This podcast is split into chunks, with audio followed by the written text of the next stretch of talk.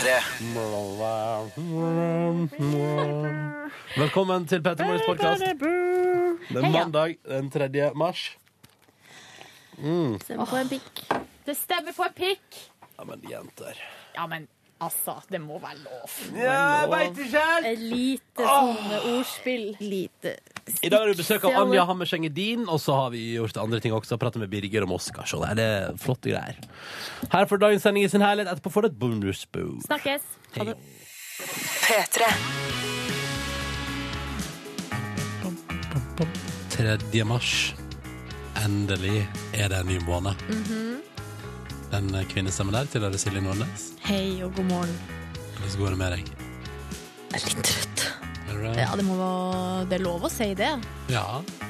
I hvert fall fram til syv er det lov å være skikkelig trøtt. Å, Så kan vi snu det og få opp eh, spiriten. Er det, er det grenser klokka sju? Jeg, jeg, jeg dro den grensa i dag for meg sjøl. Ja. Så kan jo alle ta og finne sin individuelle grense. Ja. Jeg heter Ronny og har det egentlig ganske fint. Jeg har hatt en bra helg, men nå er jeg klar for en ny uke og er klar for å starte dagen sammen med deg som hører på. Jeg skal være her fram til ni. Vi skal spille litt musikk, prate innimellom, og så får vi eh, celebert besøk i dag, Silje. Vi får besøk fra eh, ja, Jeg holdt på å si Larvik, men jeg vet ikke om hun bor i Larvik. Men ja. spiller i hvert fall på håndballaget Larvik. Jeg snakker om Anja Hammerseng Edin. Eller Edin Hammerseng. Vi har ikke funnet ut hvordan rekkefølge de etternavnene kommer. kan vi spørre om noe kommer? Vet du hva, Det skal vi prøve å finne ut. Ja, Ja. dette går bra. Dette ordner vi. Uh, har du opplevd noe fint i dag?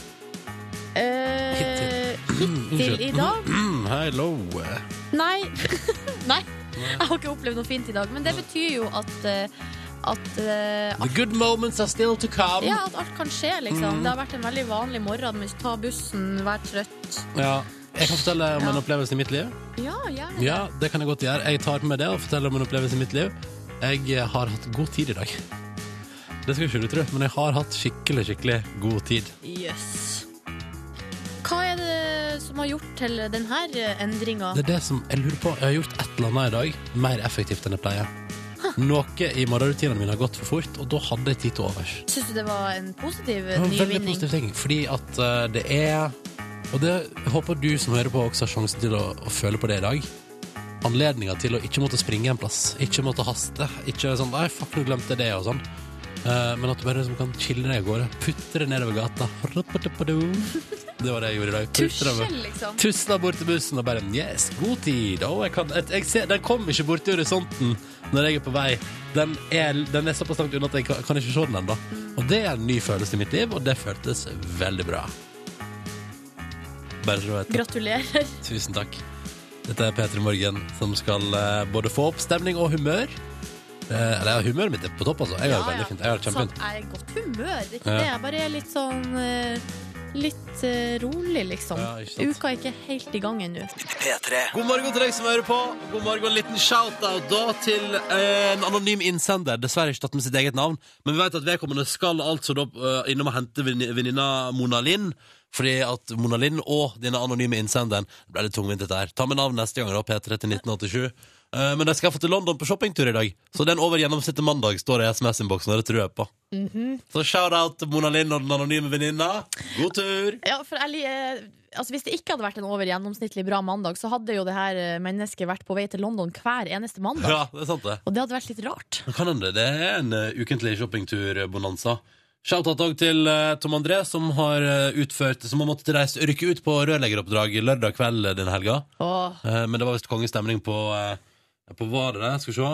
Det var sånn der mm, en institusjon. En institusjon. Ja. De som bodde der, syntes visst det var helt konge. Så det var god stemning. Eh, hyggelig. Det er stas å gjøre overtidsjobb når det er god stemning. Og at man får pizza, sånn som eh, Tom André har fått når han har kommet på rørlageroppdraget sitt. Ja, jeg trodde at han skulle fikse noe rør, og så var det hjemmelaga pizza i stedet. På et vis. Mm, en liten overraskelse. overraskelse. Du, P3 Morgen i dag, vi har lagt eh, planer for eh, mandagen, og tenker at vi kanskje skulle dra gjennom kjapt et par av de tingene vi skal.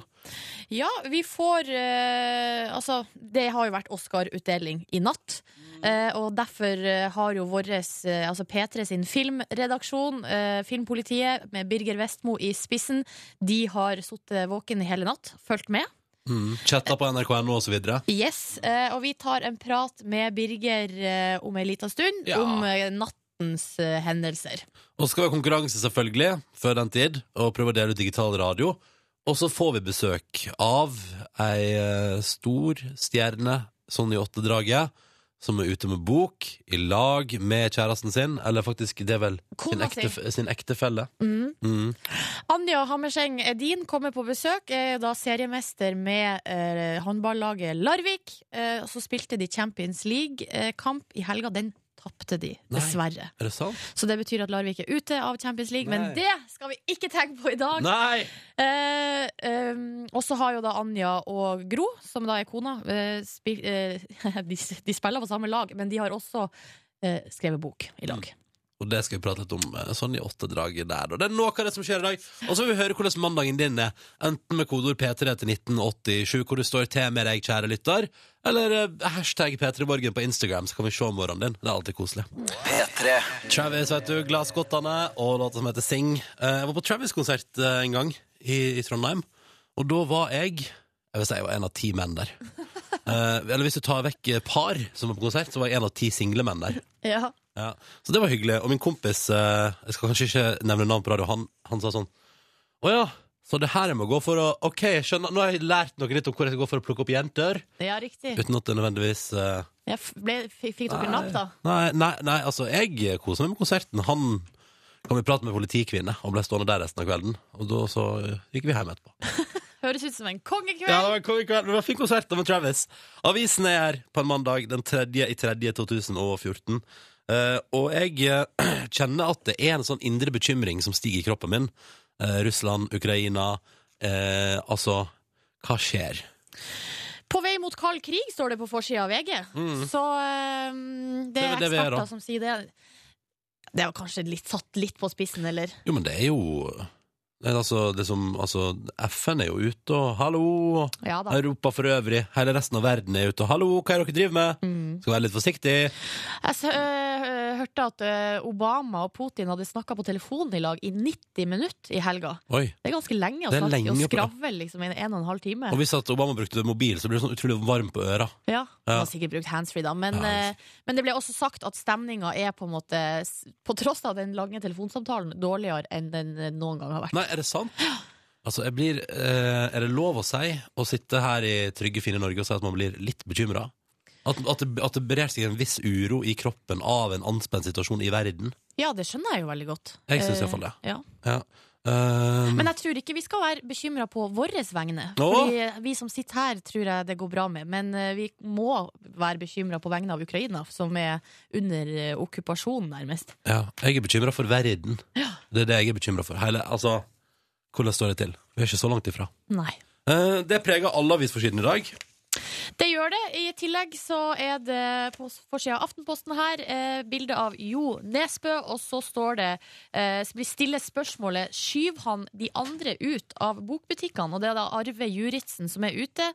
Og mener at eh, nå er altså Jo Nesbø Han har så stor suksess Mm. at det er på en måte nesten bare han som selger bøker. Eh, alle de andre sliter, eh, og særlig nye debutanter da, har vanskelig med å komme seg opp og fram, fordi at eh, alle bokhandlerne er da tapetsert med eh, Nesbø sine bøker. Men hva skal man gjøre, da? Eh, ta, Sette seg ned med Jo Nesbø og si sånn Du, Kan du skrive litt dårligere nå? kan, eh, nå må du eh, ta en litt pause. Selv litt mindre, er du snill? Ja, jeg vet ikke. Jeg tror at uh, Arve Juritzen som er forlegger er bekymra for at man sitter med å finne en ny Jo Nesbø. Da tenker jeg, da må du som forlegger, du som fyr som gir ut bøker, ja, du må jobbe litt grann hardere, altså. Istedenfor å klage i media. P3. Og nå skal vi si hallo til to andre. Først god morgen til deg, Lena. Hallo, god morgen. Hallo, god morgen. Lena, fortell oss litt om deg sjøl. Ja, jeg er 21 år, bor i Oslo, studerer. Hva studerer du? Jeg studerer dans. Oi, skal du bli dancer? Det skal jeg forhåpentligvis bli. Ja, ikke sant? Hvilken type dans eh, snakker vi, Lena? Eh, Det er moderne dans, egentlig. Contemporary. Yes. Jeg har sett mye på So You Think You Can Dance. Fått med meg den formen for dans, ja. Ja, ja. Contemporary dance. Uh, men eh, sånn utenom å danse, da, Lena, er det alt du gjør, eller gjør du andre ting også på fritida, f.eks.? Nei, Jeg får ikke tida til så veldig mye annet, egentlig, så det blir mye avslapping. Ja, det tror jeg på. Er du sånn når du går ut, f.eks., på byen, Er du sånn som, da, da må du danse, liksom? All the time? Nei, virkelig ikke. Å nei, ok. Nei. Jeg syns sånn bydansing er så kleint til tider, så det Syns du? Er det sant? En danser syns bydansing er kleint? Er det for at Ja. vi, eh, er det for at vi eh, vanlige folk holdt på å si, ikke kan danse? Nei, det er ikke det. Men bare hele settinga er litt eh, Ja. rar av og til. Ja, ok, Så Lena er ikke den som liksom Det er sånn Dere, få på den godlåta der, skal jeg stille på bardisken og vise hva jeg kan. Coyote Ugly-style. Nei, det er greit. Eh, men det er hyggelig å ha deg med i konkurransen Malena. Lena. Eh, du er her sammen med Rune. God morgen, Rune. God morgen, god morgen. Å, kan ikke du fortelle litt om deg sjøl? Jo, jeg er nok en uh, glad liten gutt fra Kristiansand. Nei, du er ikke fra, det høres ikke sånn ut. Det høres ikke ut som det er fra Kristiansand, Rune. Nei, jeg er nok en god klimaflyktning. Eh, Født i Oslo, oppvokst i Nordkapp og bor i Kristiansand. Er det sant? Du har vært over hele landet, du. Ja da. Ja. Hvor gammel er du, Rune? Jeg er 35 år. 35 år. Og hva driver du med i det daglige?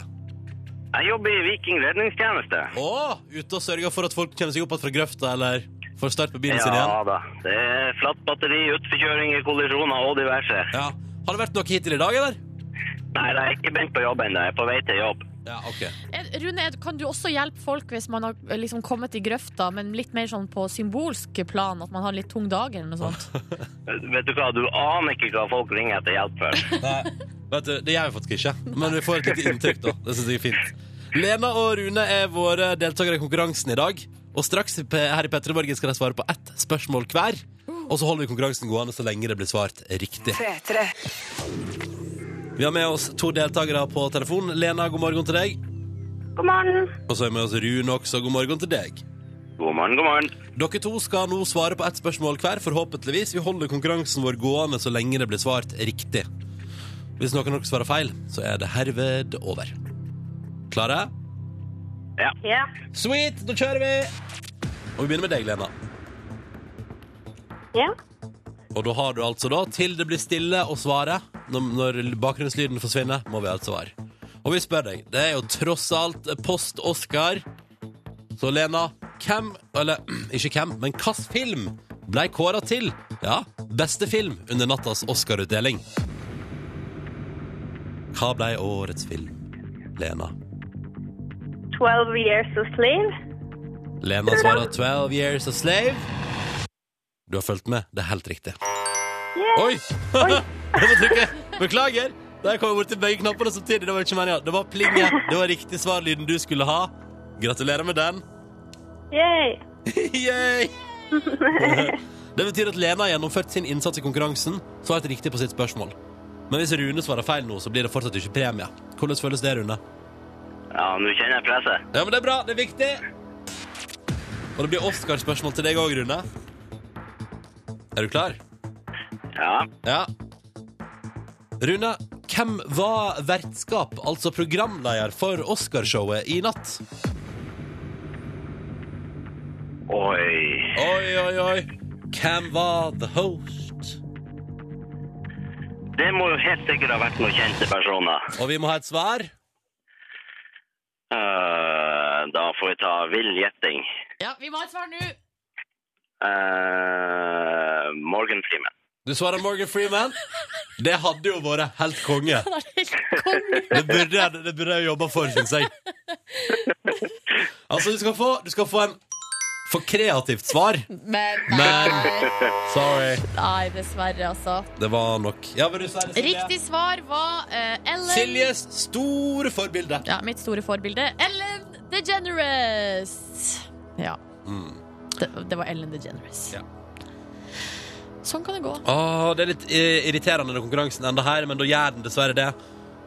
Lena og Rune, takk for innsatsen. Ring oss gjerne tilbake hver sendeanledning. Veldig hyggelig å ha dere med begge to.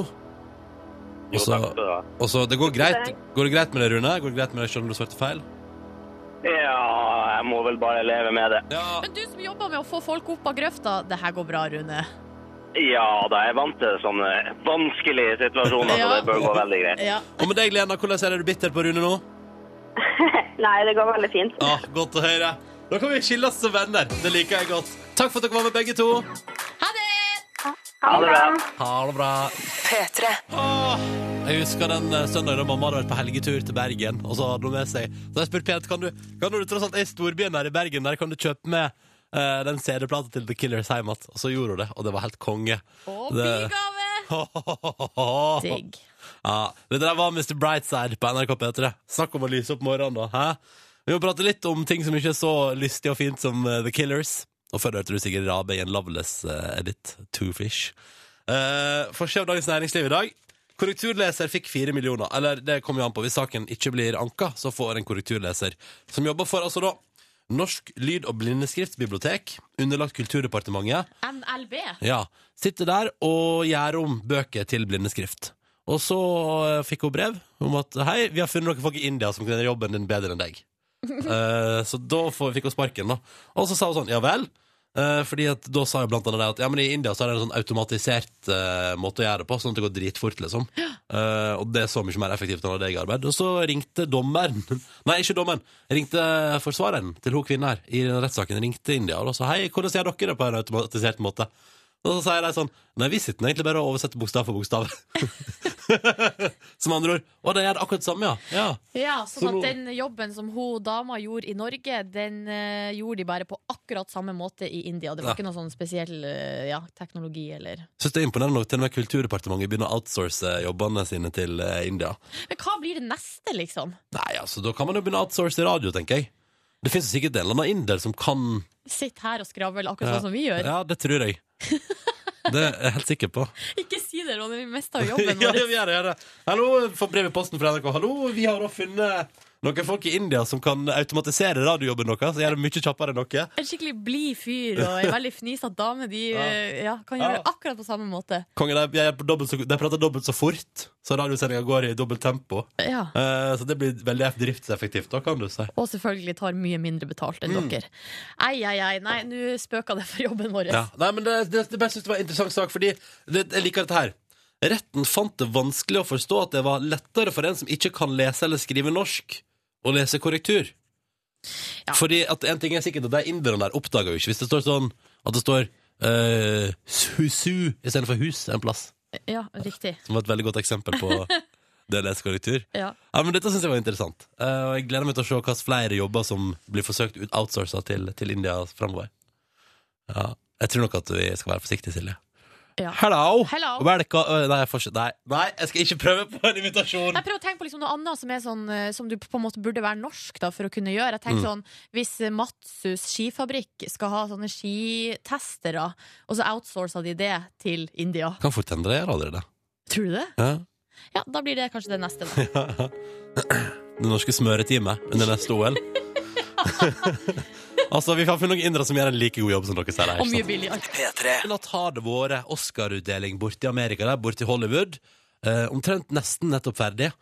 Eh, og i den forbindelse, velkommen til P3 Morgen, filmpoliti Birger Vestmo! Og tusen takk, Ronny. Hallo! For en ære. Hvordan er formen, eh, Birger? Jeg vil gjerne takke min mor og min far. Ja, Og jeg vil takke mest av alt kaffe, for det har holdt meg våken i hele natt. Det tror jeg på. Du, har du på deg smoking, eller? Eh, Jeg kan godt si det. Ja, da sier vi det sånn at du har på deg smoking. Eh, har løsna sløyfa nå, ikke sant? for nå er festen over. Og, Den imaginære sløyfa denne løsna, ja. ja.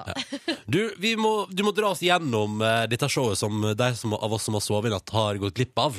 Ja. Det er jo den store filmfesten, dette her. Ja da, det er glitter og det er stas, og årets Oscar-utdeling eh, vil helt sikkert ikke gå over i historien som den eh, mest eh, spenstige, men det var trygt og godt og safe med Ellen DeGeneres som programleder. Hun losa oss gjennom showet med lun og varm humor, som ofte gikk på bekostning av de nominerte i salen. La oss høre et lite klipp fra det her. Now, we know that the most important thing in life is love and friendship and family. And if people don't have those things, well, then they usually get into show business. So.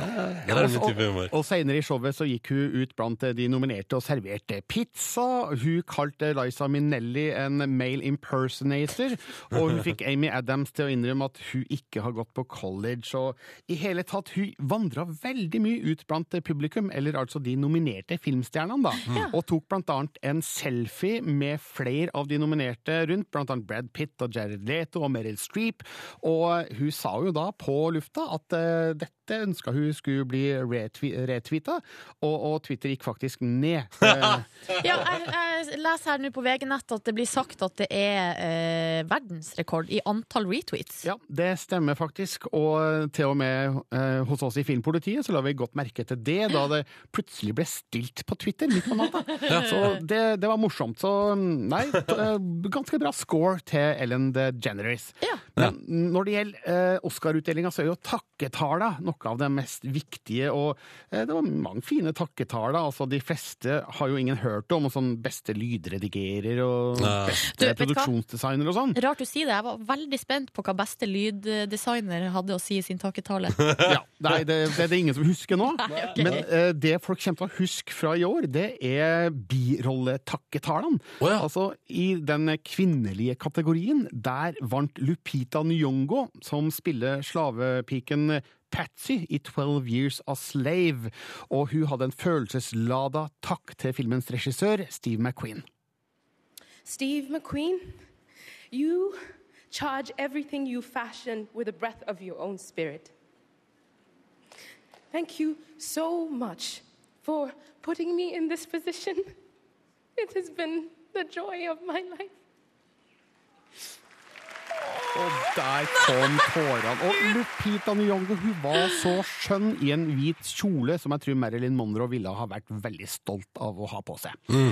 I den eh, mannlige birollekategorien, der vant som venta Jared Leto for Hvem skulle trodd? Hvem skulle trodd, ja, si det. Altså, altså, ja. Multitalent. Altså, han har jo vist det tidligere at han er flink skuespiller, blant annet i Requiem for a Dream. Og så er det sikkert veldig mange som vil at jeg skal si Jordan Catalano Ja, i i TV-serien Angela. Angela. Eh, Men nå eh, har han altså vunnet Oscar for birollen som transperson eh, Rayon i Dallas Buyers Club. Og han hadde denne meldinga på slutten av sin takketale. This is for the 36 million people who have lost the battle to AIDS, and to those of you out there who have ever felt injustice because of who you are or who you love. Tonight, I stand here in front of the world with you and for you. Thank you so much, and good night. Ja. Eh, vi skal bare til slutt nevne at eh, beste film, det ble 12 Years a Slave, som vi nevnte i sted. Overraskende, Birger. Nei, det var venta. Det er Ja. en sånn type film som Oscar-akademiets medlemmer liker. Det er da et historisk drama basert på virkelige hendelser, og den er jo fabelaktig regissert og gnistrende skuespilt, så det er ikke noe rart at 12 Years a Slave er utropt til beste film. Men nattas store vinner, det ble faktisk Gravity, som vant hele sju priser, blant annet for beste regi, beste foto, beste redigering og Yes. selvfølgelig da visuelle effekter. Så eh, den eh, trer frem som eh, nattas vinner, mens nattas store taper, det må bli American Hustle, som var nominert i hele ti kategorier og vant null. Oi! Ja, det er litt, eh, den er litt, det er litt antiklimaks da, Ja. for deg. Sk- Skal vi ta det morsomste til slutt, da? Ja, takk, gjerne. Ja, det. Det, det skjedde jo en del, et par rare ting, blant annet eh, den gamle filmstjerna Kim Novak eh, introdusert feil kategori, eh, og så skulle John Travolta introdusere en artist som skulle synge låta Let It Go fra filmen eh, Frost, og hør på det her. gorgeously empowering song, Let It Go, from the Oscar winning animated movie Frozen. Please welcome the wickedly talented one and only Adele Dazeem. Ja, og det rare med det her er at Adele Dasim, så vidt jeg vet, ikke eksisterer. Eh, Det gjør derimot Idina Menzel, oh, ja. som eh, Ja. kom på scenen for å synge låta. Og eh, hun så jo litt forstyrra ut der hun sto.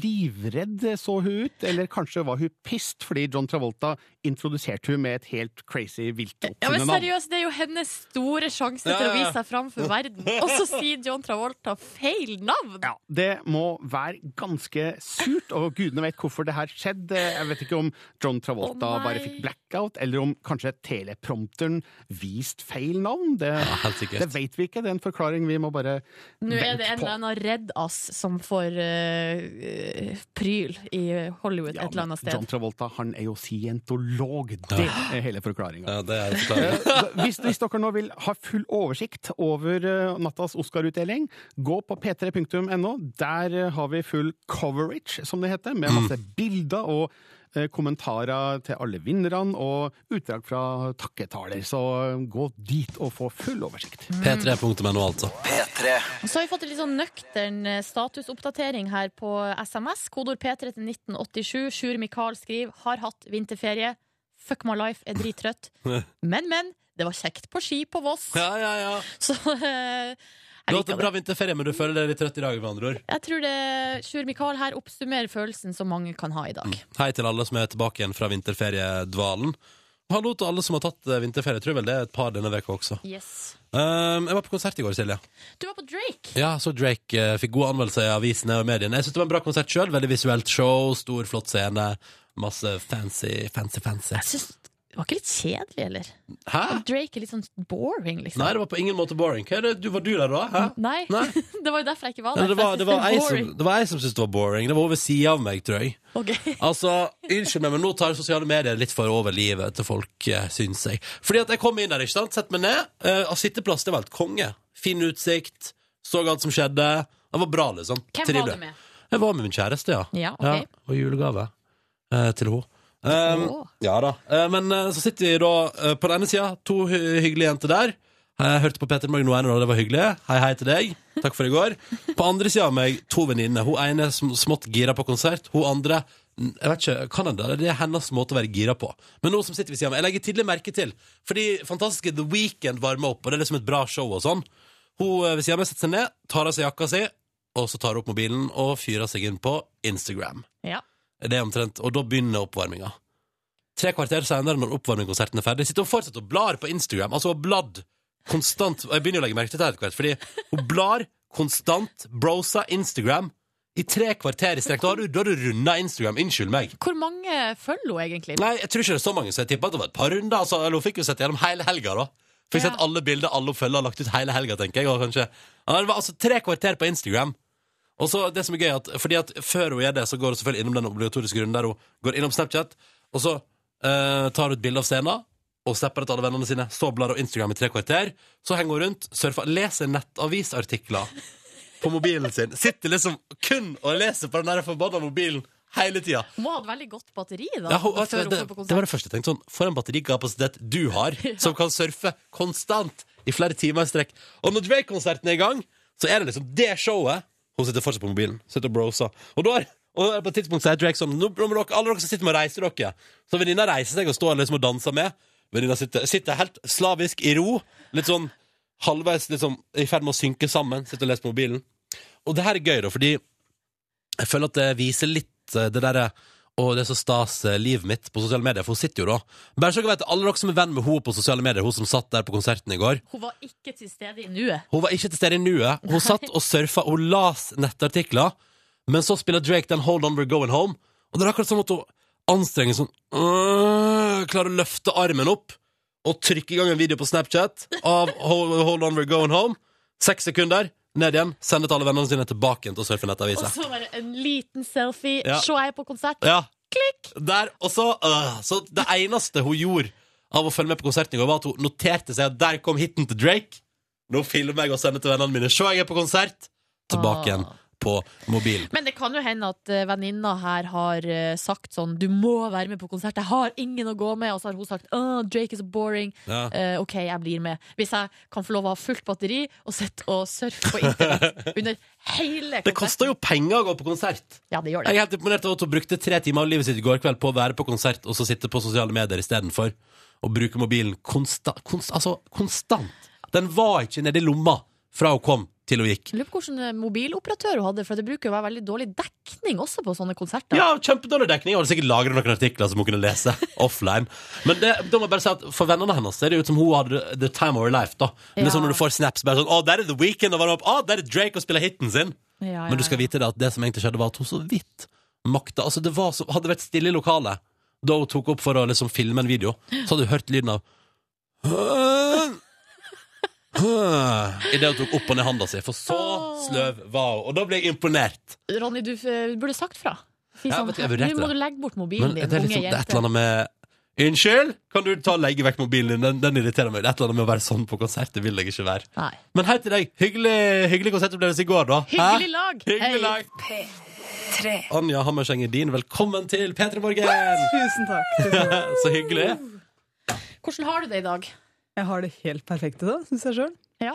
Hvorfor, hvorfor det? Jo, for nå har vi fått stått opp tidlig, eh, som er likevel er ganske seint for oss. For nå har vi sovet uten mye i natt. Ja, Og så. Ja. kaffe på morgenen, frokost. Det, var koselig. Men eh, vanligvis, du og Gro har jo en liten gutt. Han er hvor gammel er han nå? Ett og et halvt? Ja, to. To år. Ja. Eh, hvor tidlig begynner dere vanligvis? Det går mellom fem og halv seks, altså. Da okay. er han klar. Ja. Ja. Samme som meg og Ronny. det Ja. Fint tidspunkt å Ja, stå ja, ja. Helt konge. Føles at det er like bra. Men du, Anja, i helga så var det kamp. Ja. Champions League. Larvik mot Jeg klarer ikke å si det navnet til det laget. Budotsjnost. Ja. Ja. Det, eh, det gikk ikke så veldig bra. Nei, vi tapte. Ja. Men eh, hvor lenge Jeg regner med at det ikke er noe gøy å tape en kamp, men hvor lenge har, bærer man med seg liksom, et sånt tap? Det er litt forskjellig hva slags kamper vi taper, men den i helga var ganske tung, faktisk. For da røyk vi ut av Champions League. Og det var en eh, drøm jeg hadde hatt om å klare å komme oss til Final Four, da. Så akkurat den uh, satte i litt, men uh, det er uh, fortsatt bare håndball, altså. Ja, men Det var det man må prøve å tenke. Ja. Men hva gjør man etter et tap? Hva gjør man liksom etter kampen da? Hvordan er stemninga? Er det rett på Peppes og bare Ja, nei, vet du hva? Vi er jo da to som spiller og deler den samme skuffelsen. Ja. Så eh, Ganske dårlig st stemning i Hammerseng i din heimen, med andre ord. Nei da, vi er egentlig ganske flinke til, okay. å, eh, til å snu det kjapt, men vi må få prata ut om det. Ja.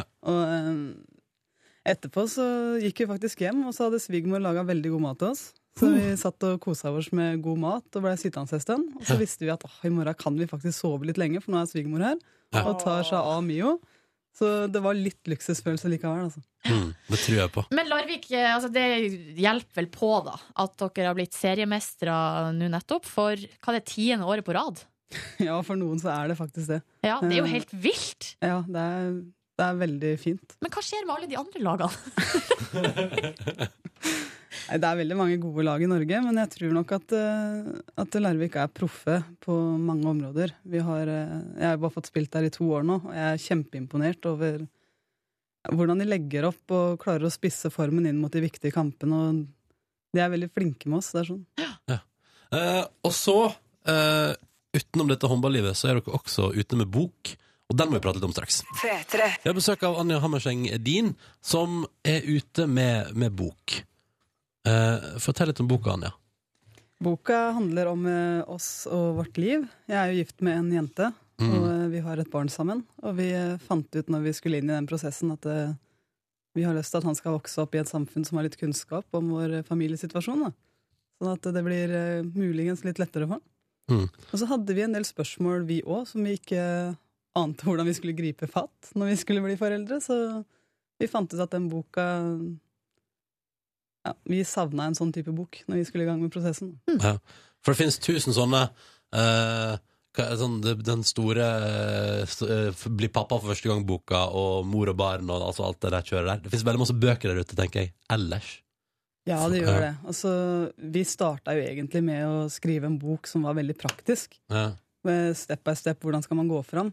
Og så fant vi ut at uh, kanskje den største utfordringa var det følelsesmessige i det òg. Så det har blitt litt mer eh, det. Ja, for det er ganske personlig her. Dere utleverer dere jo ganske mye. Hvordan Er det, litt skummelt? Ja, faktisk. Det er det, altså. Ja. Eh, Vi, eh, vi føler oss jo litt sårbare når vi skriver det her, og vi har jo ikke skrevet en bok sammen før heller, så, så når vi da kliner til med den, så var det litt ekstra. Ja. Men dere har jo skrevet kapitlene hver for seg. Var det noe Gro skrev som på en måte overraska deg? Ikke når du skrev det, men vi, eh, vi havna i en situasjon der vi snakka veldig mye om ting vi ellers ikke hadde snakka om. Og det var Ja. en fin opplevelse. Jeg syns det var litt romantisk jeg, å skrive den boka, for plutselig så fikk jeg en innsikt i hennes tanker som ikke jeg hadde hatt hvis ikke vi hadde skrevet boka. Vi ble tvinga til å ta de samtalene på hvordan hun egentlig opplevde den og den situasjonen, som var eh, kanskje litt utfordrende. Så. Ja. Spennende. Dere hadde, jeg, jeg, beit meg litt, jeg leste boka i går. eh, Beit meg merke i eh, For dere, du har, det var litt sånn praktiske problemer rundt eh, sånn søknad til folkeregister. Det var noe sånn Du skal bli, skulle bli medmor. Der ble det noen problemer. eh, Og så måtte dere sende inn dokumentasjon. Blant annet en samboerkontrakt som dere hadde skrevet privat.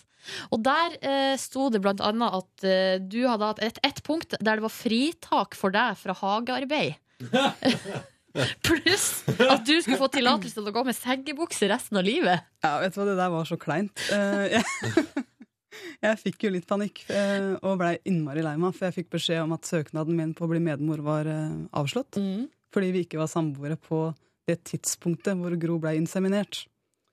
Og det var jo en regel vi ikke visste om engang. Så vi fikk beskjed om at uh, ja, du må sende inn all mulig dokumentasjon på at dere faktisk var det. Mm. Og sannheten er at det var vi jo. Men uh, det var jo egentlig litt flaks, for vi var jo ikke det fordi vi visste at vi måtte være det. Og så visste jeg at jeg hadde en samboerkontrakt som jeg hadde skrevet med Gro. Som var datert to måneder før, og den var så klein. Og jeg hadde ikke lyst til at noen av jeg, visste, jeg ville egentlig ikke at Gro skulle lese den engang, men jeg tenkte at hun var jo stormende forelska, det her er bra tidspunkt for meg å sende inn en kontrakt til henne på. Da, for, hvor hun mest sannsynlig skriver under på hva som helst. Så da fikk jeg fritak fra husarbeid. Men Ja, eller var det alt husarbeid, eller var det bare Nei, det var, eh, det var hagearbeid. Eh, Ja. Vi har en historie på det som blei veldig viktig for meg å bare avklare med en gang. At det her er ikke noe for meg. Ok, hva, er, hva er problemet med hagearbeid, Anja? Nei, men eh, Det er egentlig ikke noe problem med hagearbeid. Men hele greia var det at jeg og min svigerbror satt i husveggen, uh, i solveggen. Ja. Og så koser vi oss. Han spiller gitar, jeg synger litt, sitter og prater, har det kjempefint. Og har Ja. egentlig lyst til å ha det akkurat sånn hele ettermiddagen. Og så kommer hun fram med en sånn diger saks, vet du. Ja, Som hun klipper sånne rosebusker med. Og så ser jeg at hun blir mer og mer brå i bevegelsene. Da. Jo mer vi koser oss, jo mer brå blir henne. Og da, da skulle jo hun eh, demonstrere at hvorfor skal vi sitte og kose oss når hun skal gjøre hagearbeid. Ja. Så tenkte jeg hvorfor skal vi måtte gjøre hagearbeid når vi egentlig har lyst til å kose oss? Så blei det en sånn greie med at hvem er det egentlig som skal avgjøre når man må gjøre hva? Ja, ja, ja. Da tenkte jeg fritak, det er tingen. Får inn i samboerkontrakten med en gang. Ja. Men Anja, jeg lurer på denne boka, eh, Anja pluss Gro er lik Mio. Hvem, hvem er den for? Altså, Er den bare for eh, to jenter som vil ha barn? Eller kan eh, andre liksom lære noe av det?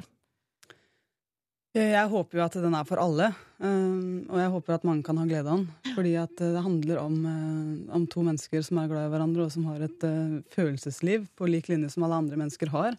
Og det handler jo om kjærligheten, det handler om livet. Og så handler det om, for meg, å skape det samfunnet som jeg har lyst til å være en del av sjøl. Hvis jeg har lyst til å ha et samfunn med mindre fordommer, så må jeg da bidra til det. Og jeg tror at det her kan øke kunnskapen for, for noen, da, til å se litt mer utvida på, på vår familiesituasjon. Ja. Ikke sant? P3. Anja Hammerseng Edin er på besøk hos oss. Og i tillegg til at uh, du og din kone Gro er ute med bok, og at du spiller håndball, så driver du også med sånn Du, er litt sånn, du gjør litt motivasjonsforedrag og sånn. Du er god til å motivere folk, eh, Anja. Vi har tenkt at på denne mandagsmorgenen her trenger vi akkurat det. Så vi har et par pot, uh, hva heter det, hypotetiske problemstillinger som vi gjerne vil at du skal hjelpe oss med motivasjonen til. Skal vi bare g- g- på? Gønn på, Silje! Gønn på! Her er første scenario. Det er mandagsmorgen, du sitter på bussen på vei til jobb og ser frem til at kollegaen din skal hoppe på.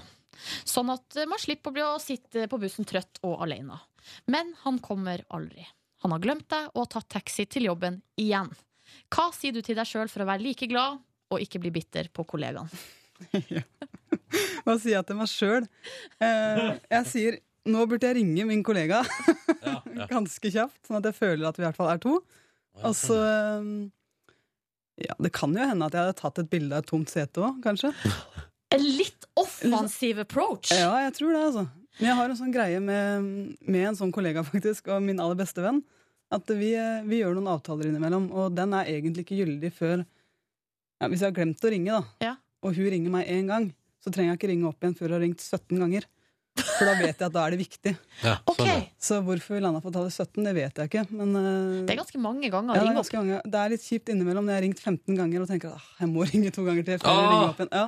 Det må stå 17 ubesvarte andre Ja, der. for Av og til så ringer vi så unødvendig til hverandre. Ja. Så tenker jeg når jeg vet at det er viktig, så da tok vi tallet 17. Da. Jeg ville gått for 10, jeg, altså. Rundere og finere og Men jeg liker den approachen, for at jeg ville kanskje valgt en litt sånn passiv-aggressiv sånn ja ja, kjørte buss alene igjen. Men rett og slett bare litt humor. Ta bilde av et tomt sete, send det av gårde. Gleder meg. Det er fint. Neste eh, scenario. Etter mye overveielse har du kjøpt din aller første leilighet. En tidlig mandagsmorgen tusler du ut på kjøkkenet, og inn med du har rukket og så mye å ta et glass vann, kjenner du at det siver vann inn i sokkene dine. Du legger øret ned til gulvet og hører at det surkler under hele gulvplata. Mm. Hva sier du til deg sjøl for å ikke få panikk? Vet du hva, Da ringer jeg min søster. Hun er helt fantastisk der. Og vi, eh, det er, akkurat det scenarioet her har ikke skjedd meg, men eh, lignende ting har skjedd Ja. meg.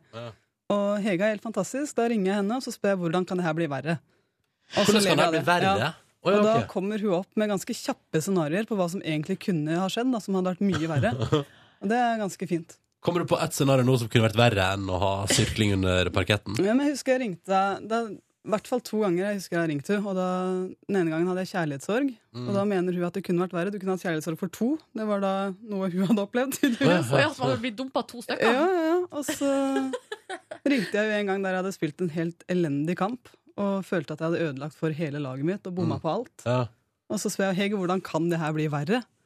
Ja, nei, Du kunne laga sjølmål, eller du kunne prøvd å lage sjølmål. Du hadde bomma også da. Hadde du denne. Jeg liker det. Så hvis man har for eksempel altså at hele gulvet på kjøkkenet altså det, det er fullt av vann under parketten altså Det som kunne vært verre, var jo om gulvet ikke var der. Eller at ikke du hadde hatt råd til å kjøpe deg en leilighet. Ikke sant? Ja, jo da. Jo da. Det fungerer opp til et vis, kjenner jeg. jeg kjenner at jo, ok, Så hvordan kunne det vært verre? Fin måte å takle ting på. Bra. Jeg liker, jeg liker tipsa foreløpig. Ok, det er Et siste? et Et siste, siste, det er mandag du er singel og bruker som alle andre dager ettermiddagen og kvelden på å se på TV alene på sofaen. Hva sier du til deg sjøl for å føle deg OK med livet? Jeg, jeg føler ikke vi trenger å rettferdiggjøre det. Hvis vi har lyst til å ligge på sofaen, så ligger vi på sofaen. Er det greit? Jeg syns det er helt greit. Jeg har sett på så mange programmer der man må trene samtidig som man skal se på TV, må sitte på en boseball, eller man må gå opp og ned i knebøy. Jeg tenker, Har du lyst til å ligge på sofaen, så ligg på sofaen. Ja. Ja. Ligger du på sofaen? Ja Og jeg tenker at det er helt greit.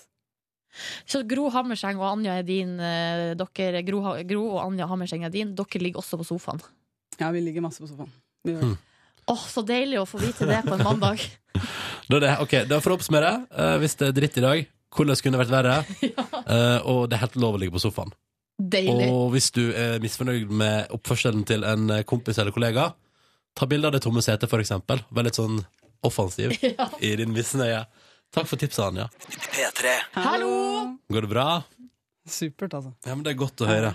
Um, du og kona di Gro er ute med bok. Se og Hør slo jo eh, opp eh, Har jo bladd i den boka og slo opp sånn derre uh, Vår kjærlighet starter ikke jentedusjen. Sånn Ja, det, voldsomt var så det, svært. kort, det var det korteste kapitlet. Det har Se og Hør bitt seg merke i. Selvsagt. Ja. Ja. Men, Hvor, uh, ja. hvor, men hvor starta kjærleiken, sånn egentlig? Hvis det ikke starta i jentedusjen. Hvis det ikke starta jentedusjen. Nei, da ble det vanskelig, kanskje, da. Eller? Hva, ja, hva kan det være da? Vet du hva, vi møtte hverandre på, på landslagssamling, faktisk. Ja. Ble, men er, er landslagssamling for håndballandslaget Er det litt sånn Sånn som man forbinder sånn leirskole eh, Sånn at det er litt sånn fnisete teltstemning, nesten? Nei, ja, for det, vi er jo en boble, og det, humoren blir jo deretter, etter eh, mange dager sammen. Men eh, nei, vi blei kjent der, og så starta vel eh, romantikken i etterkant av det. da. Hvem var det som sjekka opp hvem? Eller hvem var det som liksom Der er vi veldig delt. Vi hadde Mm. hver vår plan, og den gikk rett i dass, begge to. Så. Ja, tydeligvis ikke. Nei da, vi, nei, vi havna jo et sted vi ikke egentlig hadde tenkt å havne, og det Ja. er vi veldig glad for. Ja. Koselig. Du, vi har fått uh, SMS her. eh, Kodord P3 1987. Først er det mm, Ellen som skriver Anja, du er awesome. Er det Ellen DeGeneres, eller?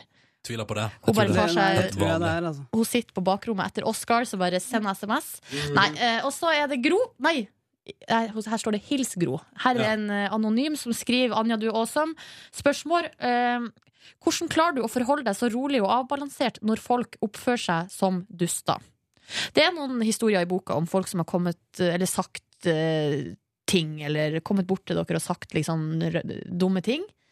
der eh, dere forholder dere helt uh, kul. Hvordan klarer dere det? Eh, Vi er nok eh, Jeg syns vi er veldig heldige, for vi er omringa av mennesker som eh, er fulle av kjærlighet. Og som gir oss veldig mye fint i livet. da. Og vi forholder oss jo mest til de menneskene. Vi er jo veldig vant til å motta ja, både positive og negative tilbakemeldinger. Og etter hvert så blir det Det er noe av det jeg driver med i Fearless. Det er å kunne, kunne jobbe de bort, da. Mm. Det er jo en, jeg mener at det er en knallhard treningsøkt hver eneste dag, og det må trenes på. Mm. Ok, det var et godt, uh, godt svar. Jeg tror at vi må gå videre til vår spørsmålsstafett. På fredag var Mia Gundersen her. Stiller følgende spørsmål til deg.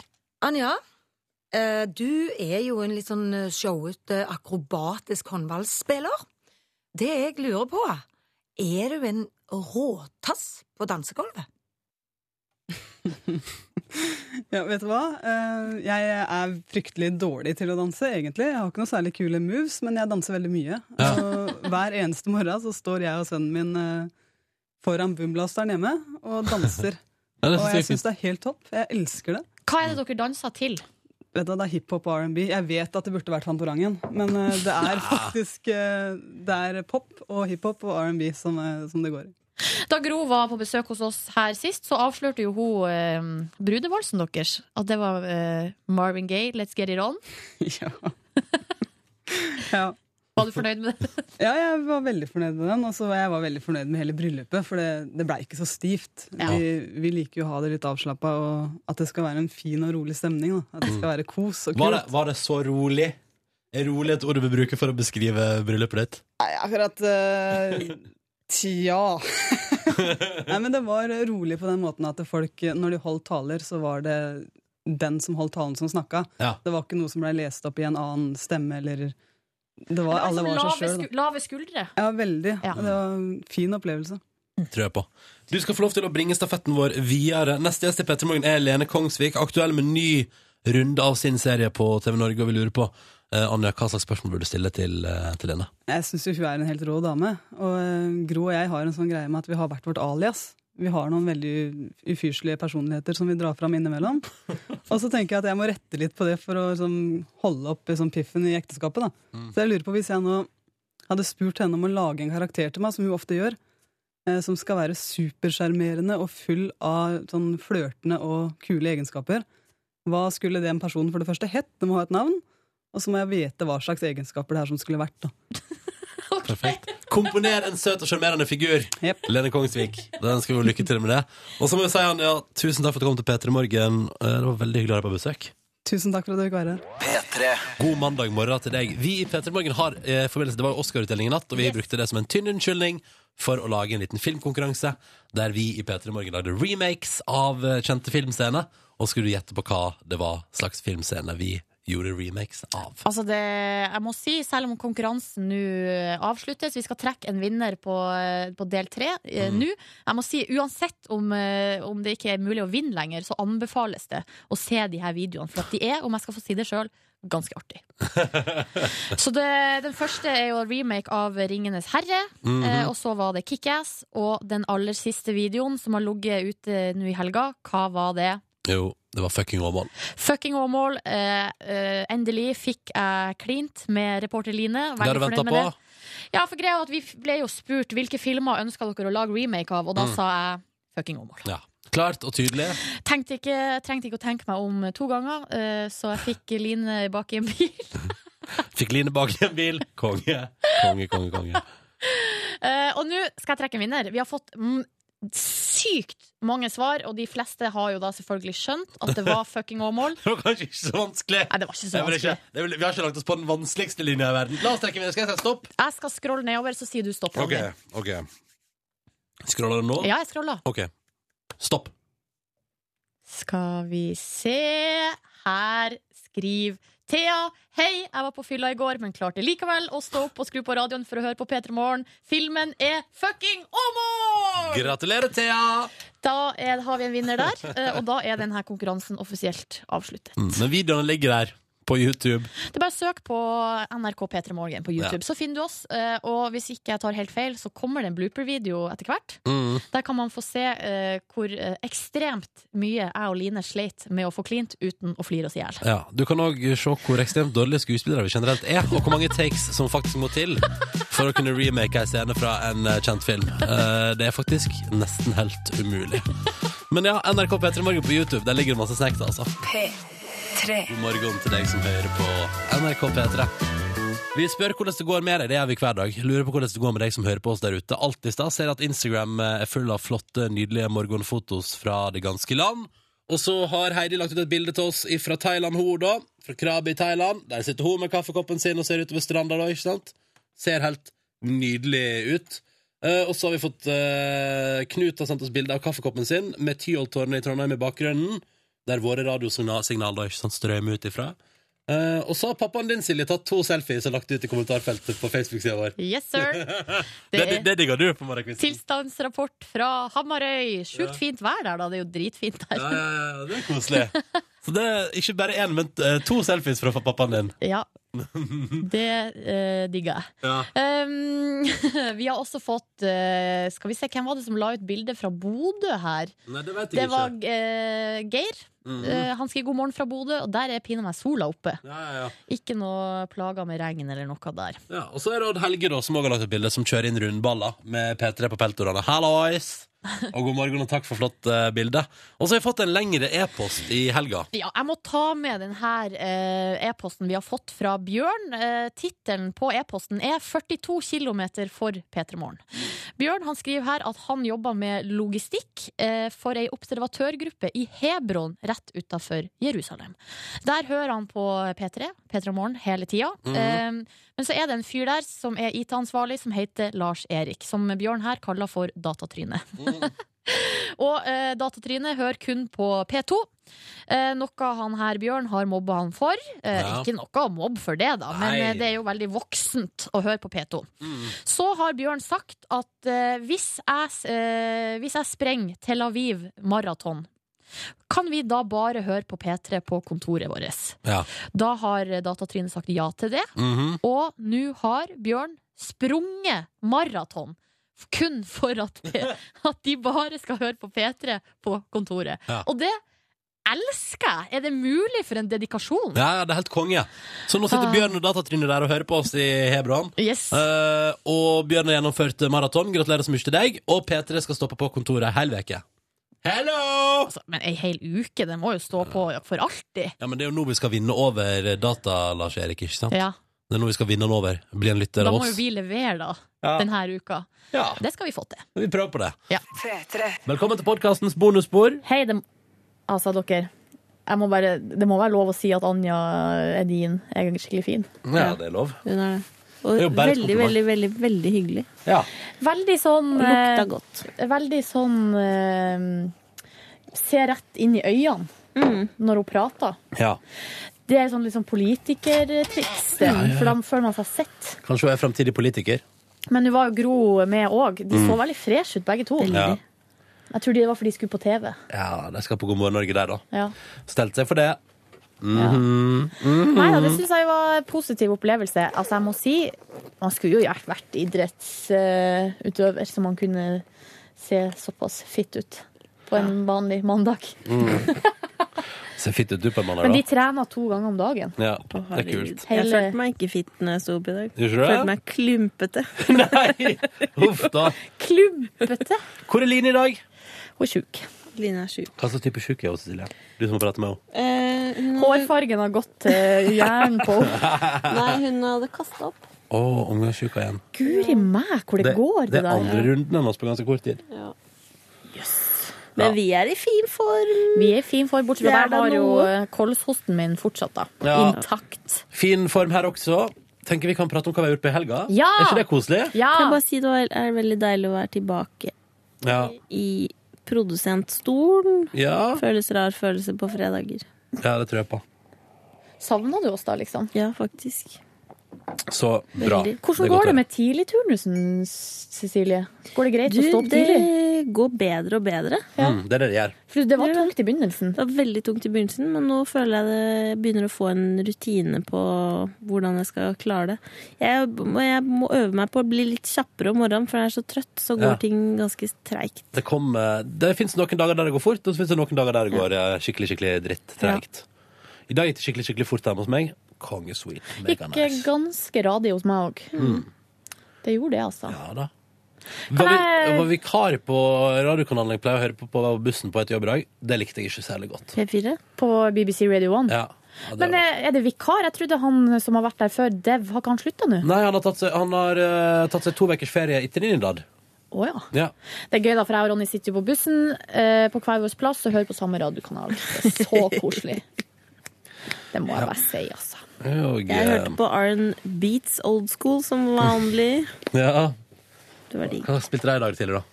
Det er, nå er det, føler jeg jeg har tatt runden, så nå er det Ja. mye av det. Men de spilte Gotham City. Åh! Oh yeah. Det er en bra låt, det. Kan jeg få lov å bare dra gjennom helga mi? Mm. Jeg føler jo at den har vært så lang, eh, og det tror jeg handler litt om at jeg har stått opp veldig tidlig både lørdag og søndag. Ja vel. Men vi spoler tilbake til fredag først. Og det som er at der er jo både dere Der er jo dere to med. Ja. Fordi jeg dro eh, hjem fra jobb, steinsov på sofaen oh, i en steinsov, du. god time. Ja. Så eh, lagde jeg meg quesadillas. og det er så psyko godt, altså. Mhm. Da bare steker jeg vanlig kjøttdeig. eh, Har i tacokrydder. Ja. Så tar jeg to tortillas, legger på ost, eh, kjøttdeig, litt mer ost, og så bretter jeg de. Um, og så varmer jeg de på stekepanna sånn at tortillaen blir sprø, og osten inni smelter. Jeg pleier å ta det inn i ovnen. Ja, det kan sikkert også fungere. Kanskje jeg skal lage det i dag. Kanskje jeg skal lage det i dag. Det er ble veldig ikke, lett. ikke for å spoile helga mi, men det ble ikke taco på meg. Da kan du si. Så lager jeg selvfølgelig en grønn salat til, med noe løk og, og tomat. Har du guacamole til? Nei, fordi hadde jeg hatt gjester, Ja. Da så ville jeg lagd en guacamole. Men siden det bare var meg, og også ganske stor faktor at jeg ikke hadde avokado, Mm. så ble det ikke guacamole. Ikke sant.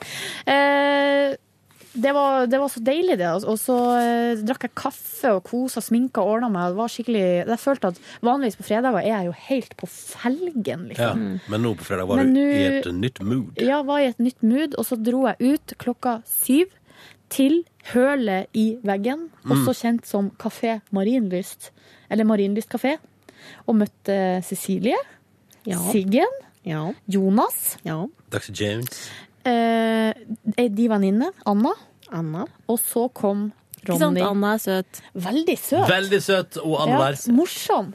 Ja, gøy. Så kom eh, Ronny og Tuva også etter hvert. Mm. Og det var altså så koselig. Det er så Ja, lenge siden vi har gjort sånt. Ja. Bare tatt noen øl og bare tatt det med ro. Jeg kasta inn håndkleet ganske tidlig, men det er forskjellige grunner som vi kan snakke om under lunsjen. Ja, Er det privat? Ja. For privat for bonusen? Ja, litt. faktisk for privat. Faktisk. Men hva sa du? Skulle du hmm? Jeg tenker umiddelbart skulle du møte en mann. Det fikk ikke jeg med meg. En herre? Nei. Nei. Om det bare var så vel. Oh, ja, ja, for, det, for det hadde du prata om i bonusen!